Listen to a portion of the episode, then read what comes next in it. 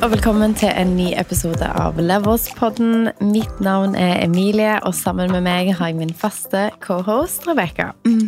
Velkommen til studio. Og velkommen tilbake til studio. Ja. I dag Rebecca, så skal vi snakke om noe som um, vi faktisk fikk et tips av Håvard Det stemmer. om å snakke om. Mm. Eh, vi har vært inne på temaet på litt andre eh, innfallsvinkler eller på andre måter før. Det har vi. Um, vi har snakket mye om det å starte bedrift. Vi hadde en kjempegod episode med Malin og Victoria, som jobber hos oss. Mm. Um, og tilbakemeldingen var vel at det var veldig gøy å høre, og det var kult å få perspektivet til de som jobber med oss. Ja. Men um, hva er liksom de tingene som på en måte eh, ikke har gått bra? For det var liksom, det var så positiv episode. Hva er de tingene som vi, hvis vi skulle starte bedriften på ny, hadde gjort annerledes? Mm. Sånn egentlig, hva er det man som gründer bør tenke på når man starter bedrift?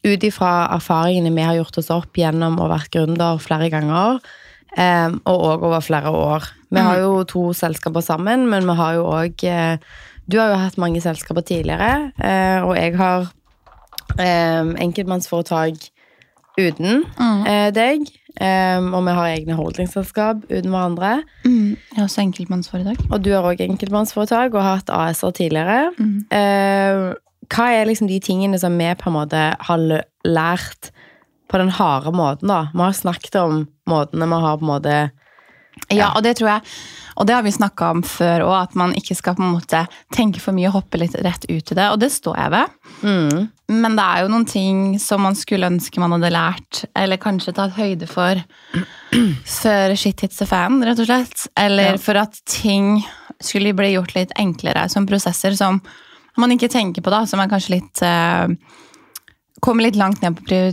prioriteringslista. mm, Det første som slår meg når man skal starte bedrift, er jo sånn Ok, hvor, for det første er det sånn, ok, du må vite hvordan du setter opp en bedrift. Da, hva du bør ha på plass. Kanskje sånne veldig sånn grunnleggende systemer. Vi har jo snakka om det med regnskap og sånn. mm, Eh, og jeg tror de fleste som starter bedrift nå, eh, setter nok opp et regnskapssystem ganske fort. Og tenker at det her skal jeg holde i selv. Eh, og det er jo ikke så veldig dumt med tanke på at ok, man vil på en måte prøve å minimere kostnader. Men i mitt tilfelle, hvis jeg ser tilbake nå, så var det en så liten kostnad eh, som jeg kunne tatt som en investering da, for å hjelpe meg med så mye backlash eh, i ettertid. Og ikke at det var så veldig altså sånn, Jeg hadde gjort det, det jeg kunne etter beste evne, men, eh, men eh, altså sånn, når man ikke er regnskapsfører og regnskap det man holder, holder på med, så gjør man jo feil. Så jeg fikk en regnskapsfører som ikke gjorde jobben sin, eh, og liksom sto i det ganske lenge før jeg fikk noen regnskapsfører som vi har i dag, som på en måte har tatt skikkelig tak da, og, og rydda opp i ting. Jeg skulle ønske at jeg på en måte visste hvor enkel den prosessen kunne være. Så det å på en måte få riktig regnskapsfører og få liksom sånn Vi har fått av Icon og god oppfølging og, og um, god på en måte veiledning, da. Det skulle jeg ønske jeg fikk litt hjelp av på forhånd. Ja, det er et veldig godt poeng, fordi økonomisk uro er kanskje den tingen som, som gir mest ubehag. Og det tror jeg kommer veldig med når man skal på en måte starte et eget AS, og alle pengene man tjener skal på en måte betale lønn eller egne kostnader. Man har, får et ekstremt stort ansvar. Eh, og det, det eh, presset man føler på, på en måte, som jeg i hvert fall følte mest på gjennom alle disse årene, er økonomisk press. Ikke nødvendigvis det å ikke kunne levere en jobb, men det å er det nok penger? Har man regna med likviditet? Det som er litt fint, da, når man også på en måte får kobla på en, en regnskapsfører, eller lignende, er at de også tenker på ting man ikke vet om fra før. Sånn, Jeg husker at å ja, ok, det er arbeidsgiveravgift, og det er pensjon, og så må du ha forsikring, og så må du ha regler. Altså, De kan alle disse reglene i forhold til hvor du må sette av midler. Fordi når du går inn som en bedrift, og det tar meg jo litt over til et annet ehm, annet segment igjen, som er prising. Sette verdi på bedriften sin. Hvor mye skal man ta seg betalt? For jeg tror vi har også snakka litt om det, at eh, i starten så var det litt sånn, ok, men man priser seg litt lavt. Fordi man vil gjerne få kunder, det skal være et liksom, lavterskel å velge, og man skal få en Ok, man vil at alle skal jobbe med seg, man skal bygge opp kundeporteføljen sin fort. Men det man glemmer da, er at det er veldig vanskelig å gjøre det hoppet fra å være en billig eh, ressurs til å kunne ta seg godt nok betalt og dekke kostnader inn i bedriften. Og det er jo en ting du har sett veldig på kommet inn her, og som vi på en måte må ha endra. Og rett og slett fordi at ja, ok, det høres ut som eh, 450 kroner i timeslønn eller 500 i timeslønn er mye, men når du begynner å bryte ned hva de 450 eller 500 kronene skal egentlig dekke, så er man ganske langt fra egentlig det man må ha da, for å kunne på en måte være en bærekraftig bedrift. Så det med prising, å skjønne eh, hva man skal på en måte prise seg ut som, da må man også forstå litt hva ting koster, og hvilke kostnader man skal dekke. Og det er stor forskjell på Når du starta Backart, så var du en eh, one woman show. Mm. Du hadde eh, gratis kontor i en av samarbeidspartnerne våre, Gyro, mm. sine lokaler. Ja. Eh, du kjørte din private bil, mm. eh, og du ønska å få navnet ditt ut der. Og det gjorde du på en veldig bra måte. Du fikk jo masse spennende jobber, og du leverte veldig godt på de. Ja. Men det er klart at de kostnadene du egentlig hadde da, var at du skulle kjøpe inn eh, materialer til å lage det du skulle, og så skulle du betale deg sjøl lønn. Ja, og så tror jeg det man glemmer litt i starten der, sånn som du sier da, er at jeg brukte min private bil. Mm. Jeg har betalt ikke for kontor, og det var jo super nice. Jeg mm. måtte bytte litt tjenester her. Eh, men det, måte, det å bruke sin private bil er jo også egentlig en faktisk kostnad. Jeg fikk jo fortsatt veiavgift, jeg måtte fylle, fylle tanken. Og det er liksom sånne ting som måte jeg tok på egen kappe. Mm. Som kanskje gikk greit da, og gikk litt under radaren når det var meg. Mm. Men hvis både du, Victoria, Malin, jeg og Martin skulle kjørt min bil hver dag på jobb, um, og ut i jobber, og den kostnaden skulle jeg fortsatt dekke, så ville jo ikke på en måte lønnen jeg hadde, dekka bruken for det. da. Og det blir på en måte en kostnad selskapet må ta. Og det som er greia da, at hvis jeg tenker at ja, men jeg bruker bare min bil, så eh, det koster ikke kunden noe, så mm. går jo jeg i tap. I personlig tap. Mm. Eh, og det samme gjelder jo bedriften. sånn Vi har jo bedriftsbil nå. Mm. At eh, Det er jo vel ikke greit at vi har den bedriftsbilen, men hvis vi bruker den ut mot et prosjekt, så er det jo akkurat som vi skulle brukt en hvilken som helst annen leiebil. Mm. Og at det er viktig å ta seg betalt for den kostnaden. Og det, hvis vi skal snakke litt om det med prisingen, da, der ok, ta seg riktig betalt. Men jeg tror absolutt det er den liksom største tingen jeg har lært, mm. eh, og den viktigste kanskje, ja. er det med å eh, på en måte forstå hvorfor du tar deg betalt for det. Fordi vi har gjort noen utregninger. Du er, jo, du er jo en ekspert i Excel og sett på utregninger med mm, formler og det ene. Og hvis vi begynner på en måte å bryte det litt ned, da. fordi Før så kunne vi si sånn ok, men litt fingeren i været, det koster ca. det. Vi kan se på hva andre tar. litt sånne ting. Du har jo ca. ballpark på hvor mye ting kan koste. Mm. Og så har du noen ting som du ikke aner. ikke sant? Og der har vi også driti oss ut så mange ganger. Fordi oh, ja. vi jobber jo i en bransje hvor du skal lage si planet. Mm. Det er helt umulig å liksom ha en sånn der, Det er ikke noe sånn ja, ja, liksom markedsprisen for planeter om dagen ligger på 5000. Det er jo sånn ikke sånn. i været. Hm, hva koster det å lage en to meter høy bølge i plast? Så sånn, I don't know. I don't know. Men hvis du vet ok, jeg skal kjøpe en sofa, så vet du at ok, du kan få en billig sofa hvis du er heldig på 5000, og så kan, du, kan det trekkes opp til 100. på en måte, sånn, ok, Der ligger spennet på sofa. da. Så kanskje man har et budsjett på ca. 15, så kan du få en ganske ålreit sofa. Mm. Um, så, sånn, sånn kan man jo på en måte teste, men med noen ting kan man ikke det. Og det samme er jo litt sånn med bil. Hvis du tenker sånn ja, ja, men vi pleier å ta 1000 kroner for bruk av bil en dag. Mm. Men hvis den jobben er i Fredrikstad, og du skal kjøre bom og du skal kjøre diesel og altså Slitasje, så er kanskje 1000 kroner for bil en dag for lite. At man på en måte går i underskudd. Altså man taper penger. Mm. Du er med på å finansiere en kostnad kunden har. Ja. Og det tror jeg er veldig viktig å tenke på prising på den måten at en bedrift har ett mål, og det er å tjene penger mm. og gå rundt. Og jobben vår er jo ikke å subsidiere eh, kunder som har dårlige budsjetter. Nei. Jobben vår er jo å tjene penger. Og ja. når man går tilbake inn til det, har du en jobb som er tre timer å kjøre eh, hver vei, og du må kjøre seks ganger i løpet av prosjektet, så det er klart at du må ta deg bedre betalt for både tiden det tar å komme seg til der jobben skal utføres, og eh, slitasje, bom, diesel, bensin hva enn det skulle være, ut til location. Og jeg tror du sa noe veldig godt der med at ok, men hvis det er tre timer dit, at man skal ta seg betalt for tiden også. Mm. Og det var en ting kanskje jeg spiste litt i starten. At man på en måte var veldig sånn ja, men en time her og der. Det er timer du kunne på en måte fakturert ut i andre prosjekt. Og der føler jeg at vi har blitt bedre på, på en måte å sette en grense. At hvis kunden kommer til deg eh, og bare sånn Jeg ønsker meg noe som er verdt 100 000, men jeg har bare 20 000 i budsjett, så kunne vi finne på først si sånn Ok, ja, men stakkars. Herregud, vi får det jo til. Og så gjør vi alt vi kan da, for å levere et 100 000 verdiprodukt til en sum av 20 000. Eh, og det er jo tapsprosjekt i seg selv. Eh, men nå har vi blitt mer flinke til å si sånn, vet du hva. Hvis du har 20 000, så er det det du får, og ikke noe mer. Det her er det det koster. Og da må kunden enten si sånn, ok, men da, da får vi ta det vi får, har råd til for 20 000. Eller så må vi, må vi legge, på litt, legge på litt mer for å på en måte oppnå 100 000, eller noe imellom. Men det er ikke noe sånn at vi skal eh, det er ikke sånn at vi skal ofre noe for at de ikke har råd. Eh, sånn som du sier, altså sånn, Hvis du går på Chanel og sier sånn Ja, den veska den koster 50 000, men jeg har bare 30 000. Så det er ikke sånn at Chanel sier ok. Nei, og det er sånn jeg tror at når man, man lager seg jo òg det markedet man eh, på en måte leverer til. Så hvis man er veldig sånn å ok, eh, alle kunder man har er kunder som pruter på pris. Pris er alltid et objekt som, eller en, en del av liksom diskusjonen. Eh, Norge for oss har jo òg handla om det å få de riktige kundene. De kundene som kommer til oss fordi de vet at vi klarer å skape det de har drømt om, eh, og levere på det. Hvor de har liksom solide budsjetter nok til å, å realisere de tingene som de vil. Og det har vært en stor sånn læringskurve. Ja. Og liksom at sånn Nå har vi helt andre eh, kostnader enn det vi hadde før. Vi har et eh, dyrt og fint kontor, vi har ansatte, vi har arbeidsgiveravgift, vi har moms, vi har eh, lagerlokaler, vi har forsikringer, vi har bedriftsbil. Vi har veldig mange kostnader som skal dekkes når vi selger ut tid til kunde. Yes. Det vil si at eh, å kjøre privat bil og være sånn Ok, budsjettet er 200, men vi skal fikse det for 50, det kan vi liksom ikke gjøre lenger. Nei, det kan vi ikke. Fordi det er på en måte ikke bærekraftig, og jeg tror man skyter seg selv så i foten.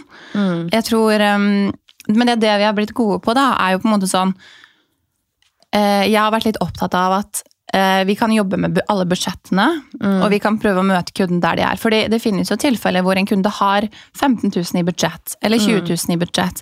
I våre tilfeller så er det ganske lite i budsjett å jobbe med. Eh, Men da har vi funnet løsninger på på en måte hvordan kan vi fortsatt eh, møte de med en form for leveranse?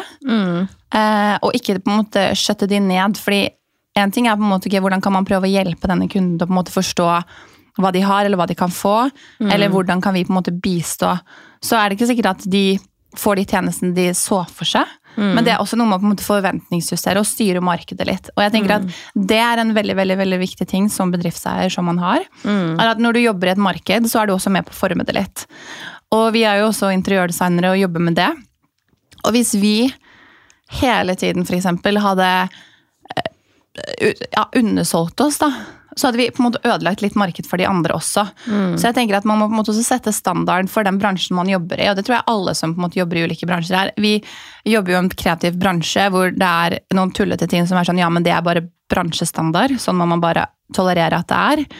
Og da har du vært sånn, hva faen, bransjestandard, på en måte. Det her er jo... Ja.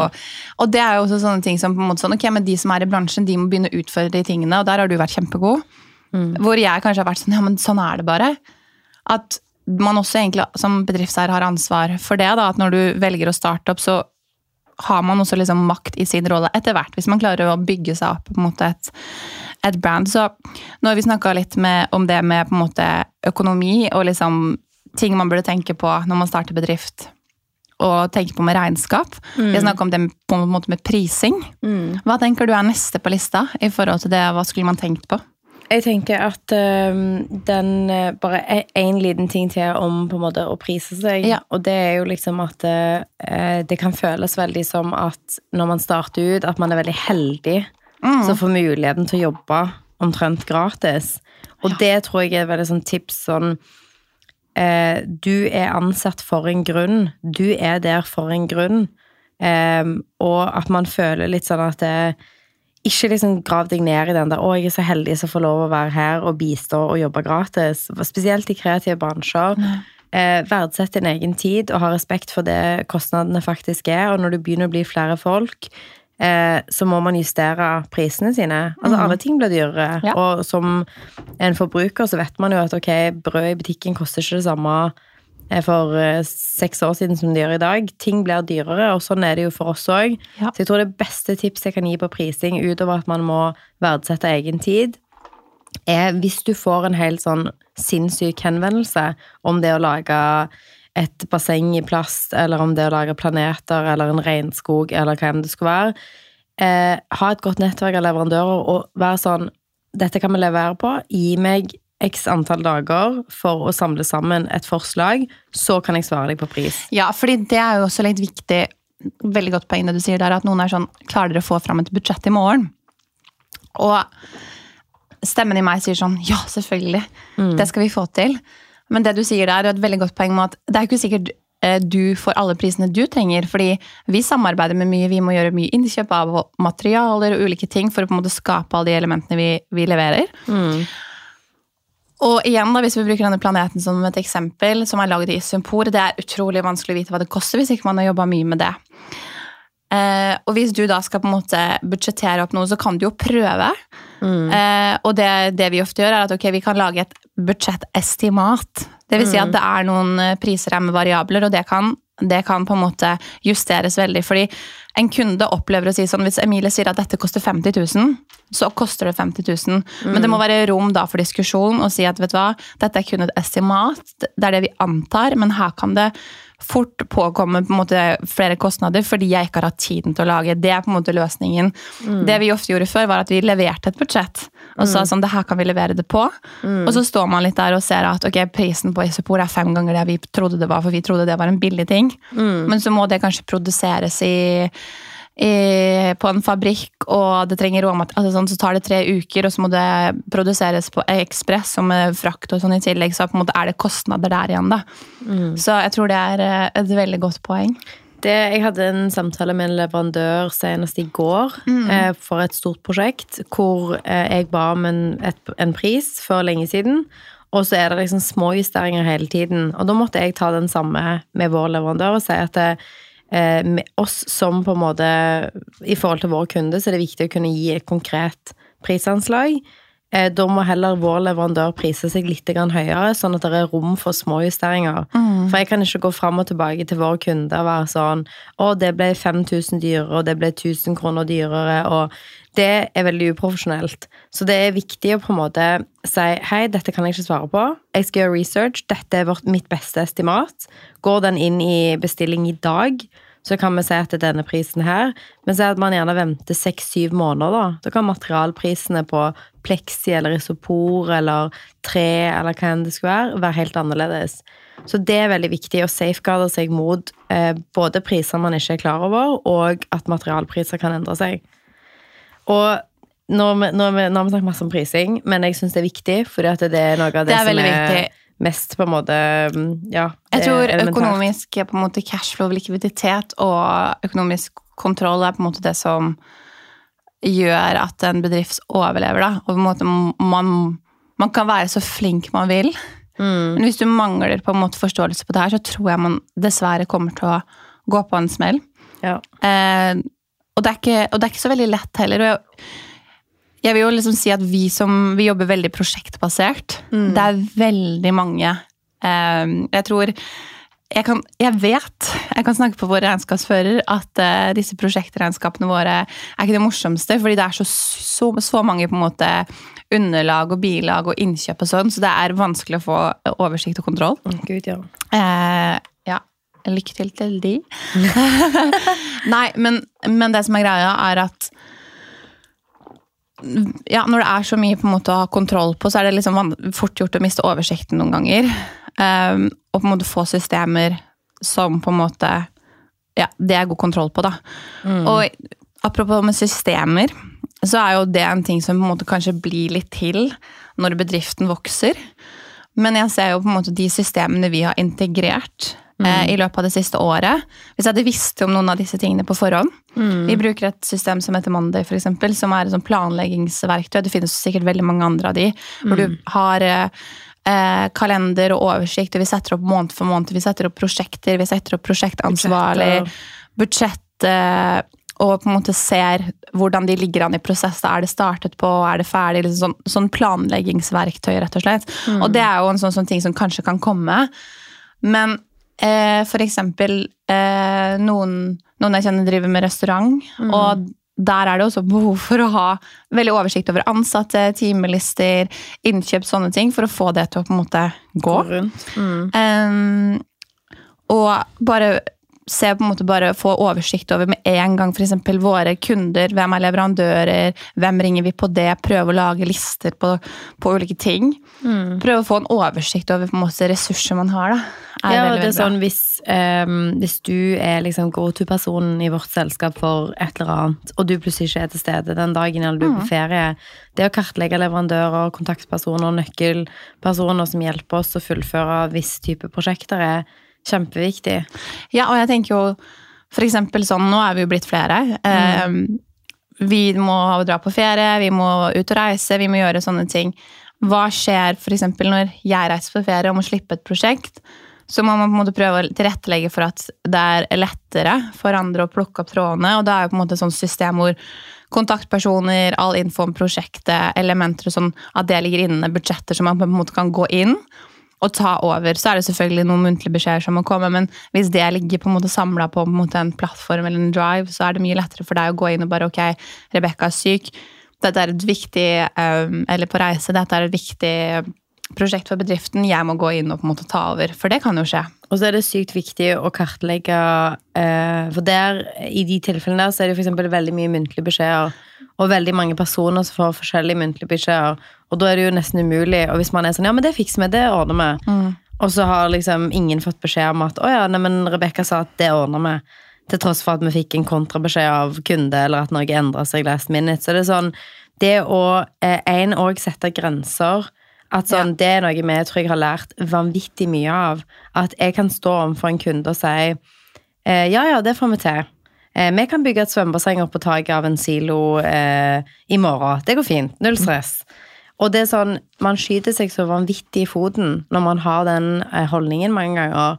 Jeg tror man skal være veldig løsningsorientert og kvalitetsbevisst, men man kan ikke på en måte gi etter helt sånn unhinged eh, henvendelser. Det er så mange som tar så til de grader å utnytte selskaper som jobber på den måten. Eh, og det er, syns jeg, dritskummelt, fordi eh, det setter oss i en posisjon hvor vi brenner ut våre ansatte, og man ser uprofesjonell ut, eh, fordi at man ikke klarer å levere på ting som i utgangspunktet ikke er mulig.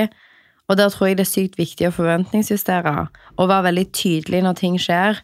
At hvis en kunde endrer noe som er drastisk for leveransen man skal ha, så må man være veldig tydelig og si hei, fordi at du endra dette, så kan ikke vi lenger levere dette. Da er vi nødt til å si ok, da kan vi gjøre sånn og sånn og sånn, men det er helt utenom den originale avtalen. Det er så vanvittig viktig å liksom kartlegge hvorfor ting skjer. For hvis kunden har gjort en stor endring i et prosjekt, og ikke tar eierskap til at den endringen har følgefeil for folk som skal levere på jobben, så sitter man jo i en saks som på en måte Ja, da er man på en måte i en case hvor man eh, plutselig er det min feil at, at eh, de tingene har skjedd. Så det er, sånn, det er veldig viktig med det å kommunisere og overlevere ting ordentlig, og at de viktige beskjedene ikke er muntlige. For hvis de er det, så er det vanskelig å på en måte følge med. Men en ting Nei, jeg er som helt enig. Jeg er helt enig. For Det- er fort gjort å bare Men man lærer, og jeg tror liksom sånn Du er jo dritflinke, og du er jo bare sånn Ja, ok, men det ordner vi uansett. Ja, men jeg sier det noen ganger uten å tenke meg om, så bare sånn Å ja, shit, så står man der og skal ha basseng på toppen av en silo. ja, men du hadde sikkert klart det, sant? Og Ja. det er jo på en måte Jo, men det er greia. Jeg føler at vi stort sett alltid fikser det, prøver å fikse det i hvert fall. Men eh, litt det du sier med på en måte muntlige beskjeder og sette grenser, em, som er veldig viktig at man på en måte burde lage en standard for seg selv før man går inn og bare sånn Det her er det jeg kan gjøre, og ikke bare er sånn Ja, men jeg må people please. Jeg tror også det på en måte å skape seg respekt og på en måte som en seriøs em, partner ut mot noen, er på en måte også å sette grenser. Da skaper du mer respekt, og på en måte folk vet hva som er ok og ikke. Og det er lettere å ta på seg betalt for ting når man, hvis man syns ting er vanskelig. Fordi en ting er sånn, ok, Si at en kunde kommer med et spørsmål til deg, og du kan løse det. Så er jo også det de på en måte sånn, vet du, dette kan jeg løse utover avtalen, men det koster så mye. Så tjener du mer penger. Mens noen, når man er helt ny i gamet, vil være sånn Ja, det kan jeg, det kan jeg fikse. Så bruker de masse tid på det, og så fakturerer de ikke for det. Ja, For de men det er så lite, det kan jeg ta. Yes. Og det må, man ikke, det må man jo ikke gjøre. Og så ender man i en sånn situasjon kanskje hvor Nå har vi snakket om prising, men se at man er sånn Ja, men det kan jeg bare ordne. Mm. Og så ender det opp med å være et shitshow og fikse den tingen som man bare har vært sånn Å, det er enkelt, det ordner jeg som en ekstra ting. Det har jeg gjort så mange ganger. Og det er så tidskrevende, og det er én ting hvis det går utover din personlige tid, Mm. men hvis man sitter og er sånn Vi betaler fem ansatte for å gjøre noe gratis for en kunde som kanskje er en av verdens største bedrifter, da blir det jo veldig banalt. Så det er Ja. viktig å tenke på. Eh, 100% en ting som jeg tenker med en gang på, som jeg tror vi har brent oss veldig mye på hvis vi starter et selskap igjen, økonomisk styring, likviditet. Vi har snakket om eh, hva skjer når ting går til helvete eh, i tidligere episoder i år. Og det i vårt tilfelle har jo handla om likviditet. Det handler om at eh, Si at jeg har fakturert en kunde for et prosjekt som er svært, på 500 000-600 000, og så har de pengene kommet inn på konto, og jeg skal gjøre innkjøp for den kunden. Så har gjerne noen andre på teamet vårt, eller ehm, ja, andre i selskapet, gått og brukt de pengene på innkjøp til sin kunde, som de kanskje ikke har fakturert. Ja. Eller omvendt. Jeg kan ha gjort det samme. Ja. Og det har jo satt oss i en posisjon når vi har begynt å få så store, selv, altså, så store kunder som det vi har nå, at det gjerne har kommet en million inn fra et prosjekt, men det er kanskje 500 000-600 000 i innkjøp som skal skje på den kunden. Da er det jo ekstremt viktig at man har planlagt. Mm. Så har man mye uforutsigbarhet i vår bransje, og det er vanskelig for oss nødvendigvis å kartlegge alt som kommer, fordi at man har mye ting som skjer eh, som man ikke vet om. Du kan få en kunde i morgen som vi ikke kunne planlagt for at vi har. Så det å liksom ha oversikt når er det ting går ut, når er det jeg skal betale MVA, når er det arbeidsgiveravgiftene, når er det disse tingene går, når er det leia går, hva er kostnadene mine? Og så må man prøve å klare å kartlegge sånn Hvordan vet jeg at det er likviditet til disse tingene? For oss har det jo vært sånn ok, vi må innføre dager hvor man gjør innkjøp. Eller hvor liksom våre ansatte gir beskjed til økonomiansvarlig at sånn Denne uka her skal jeg kjøpe inn for 100 000 til dette prosjektet her. Den ble fakturert for 14 dager siden. Pengene står på konto. Overfør de til mitt brukskonto i Folio, for eksempel. Ja, for det er det som kan skje hvis man ikke gjør det, at man på en måte da lever på lånte penger, at man på en måte bruker penger fra et prosjekt for å dekke et annet, Mm. og så havner man litt i en sånn ond sirkel. Der har jo vi vært. Ja, Fordi- ja, definitivt. Og det, og det er litt sånn derre Man vet jo at disse pengene kommer, men det bør jo være sånn at prosjektene på en måte dekker seg selv, og det gjør det jo i sin helhet hvis man på en måte jobber smart. Men også når man, det er jo en liksom, liksom fare da, når man er i en, på en, måte en startup eller en scale-up eller veldig ny. Fordi man kanskje ikke har så god likviditet. I vårt tilfelle så har vi gjort mye investeringer. Vi har kjøpt en bil, vi har kjøpt et varelager. Vi har investert i en del inventar for å kunne levere høyere, større jobber. Ehm, og, da, og da er man også veldig sånn, da er man liksom sårbar hvis man plutselig, som du sier, da, får at man skal gjøre eh, innkjøp på en fredag for 100 000. Eller flere hundre tusen. Mm. Eh, fordi si at eh, vi også fakturerer til en kunde, og den har forfall om to uker. Men jobben er om to uker, og du må gjøre innkjøpene nå. Så står man der, da. Og det er ikke sikkert at man har 200 000 i frie midler. Fordi i mellomtida kanskje man skal dekke MVA eller lønn eller sånne ting. Det er jo akkurat det du sier der, men jeg tror hvis du hadde sagt det til en kunde, og sagt liksom ok, vi, vi skal gjøre innkjøp på 400 000 eller 200 000, eh, og de innkjøpene skal gjøres om eh, 14 dager, da kan ikke vi fakturere halvparten nå, eksempel, og Nei. ha 30 dagers forfall. Nei. Da betyr det at vi opererer som bank. Altså, det er jo en egen bedrift i seg sjøl. Altså, folk gir jo korttids forbrukslån til folk, og det er jo ikke det vi holder på med. Det er ikke sånn at vi er her for å finansiere de dyre drømmene til selskapene rundt oss. Vi er jo betalt for å konsultere og lage løsninger, men vi skal jo ikke på en måte finansiere eller delfinansiere budsjettene til kundene våre, og det er en veldig viktig ting å på en måte ha veldig sånn i bakhovet. 100 Um, En annen ting som jeg tror er veldig viktig, du tappa litt inn på det i stad, at eh, det er mye som blir gitt over muntlige beskjeder. En av de største læringene jeg har gjort, spesielt kanskje siste året, er ha alt skriftlig, lag kontrakter eller avtaler. Em, bekreft alt på mail. Spesielt når det inngår leveranse av tjenester eller produkter Ja. og eh, kostnader i forbindelse med det. Og det er litt det du sier at ja, man kan jo bare fikse det, og så er det en muntlig avtale, og så er det en kostnad på 25 000, og så ikke, står ikke det noe sted. Og da er det sånn, send melding, vær sånn Hei, sender deg en kjapp mail for å bekrefte muntlig avtale om X. Eksakt. Eh, men det samme gjelder jo også kanskje Si at du har et prosjekt, og du skal ha samarbeidspartnere på ulike deler. Du skal ha noen som skal bistå med det. Vi jobber jo en del med snekkere, eller vi jobber med sånne ting. Det viktige da er jo på en måte å lage gode avtaler på forhånd. Og si at dette er budsjettet du har å jobbe med, det her er det du skal levere, og det er avtalen, og få det bekrefta. Og så kan det jo selvfølgelig skje at ok, vet du hva, denne snekkeren ser at dette koster mer, eller det her eh, Vi måtte gjøre sånn, eller det tok lengre tid. Så er det dens oppgave også til å bekrefte det tilbake og si at pga. det og det må vi gjøre dette, er det ok? Og så må man bekrefte. Fordi man har så lett da, for å på en måte havne i sånne fallgruver der hvis man ikke har det skriftlig. Og det er også da det kan være veldig liksom, enkelt, ikke enkelt, men man kan brenne broer med folk som man hadde sluppet eller man kunne unngått hvis man har det veldig tydelig, klart og skriftlig, hva en avtale var. Ja. Og det tror jeg også gjelder ut mot kundene når man avklarer et budsjett. Hva skal dere levere? Hva er jobben? Hva er jobben vår? Eh, Hva innebærer det? Fordi i veldig mange tilfeller så er det en prosjektleder kanskje, som skal holde i flere ting, kanskje flere prosjekter. Flere folk med ulike meninger inn mot ulike prosjekt. Sånn at det er ikke sikkert at denne prosjektlederen har he altså sånn, man, er, man er menneske, så man kan kanskje ikke klare å få med seg alle detaljene. Så er det kanskje en ting som ikke har blitt kommunisert videre til deg hvis du skal levere en del av jobben. Og da er det veldig fint at man har liksom veldig klare regler, eller retningslinjer på at ok, det her er det du skal levere. Det er det vi er blitt enige om. Og hvis kunden etterspør noe som ikke står i avtalen, bare sånn, ja, men hvor er det bordet?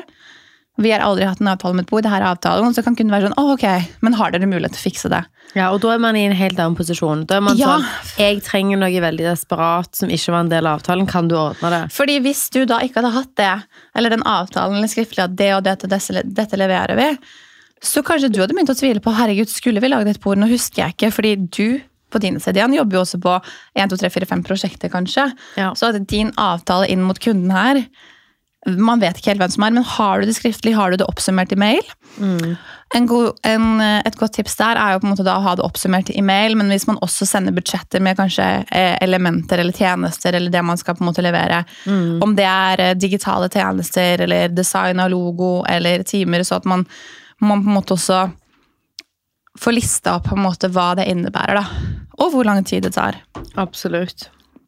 Så ja. Det er gode tips. Jeg tror liksom at vi eh, i denne podcasten så har vi lyst til å være så ærlige som mulig, og vi snakker jo om kanskje mange av disse tingene i andre episoder òg, men dette er kanskje noen av de dyreste lærepengene vi har hatt sjøl. Um, og for deg som ønsker å starte en bedrift, eller som um, har en bedrift kanskje allerede, og som er veldig tidlig i den prosessen, her er noen av de tingene som har vært dyrt for oss å lære oss. ja. Um, og kanskje det hjelper deg i reisen din som gründer. Det håper Det vi i hvert fall med. Og det er jo litt sånn Man tenker at kanskje ikke det er så viktig, men spesielt det med økonomisk på en måte overblikk. Få en forståelse for hva ting koster. Pris det er riktig. Få de systemene du absolutt trenger, og lag kontrakter og avtaler. Ha det skriftlig på mail. Unngå muntlige beskjeder. Definitivt. Det var det vi hadde for i dag. Det var det vi hadde for i dag. Vi hører jo, eh, dere hører jo fra oss hver uke, og vi kommer tilbake neste uke. Med nye, spennende temaer. Yes. Vi snakkes. Ha det. Ha det.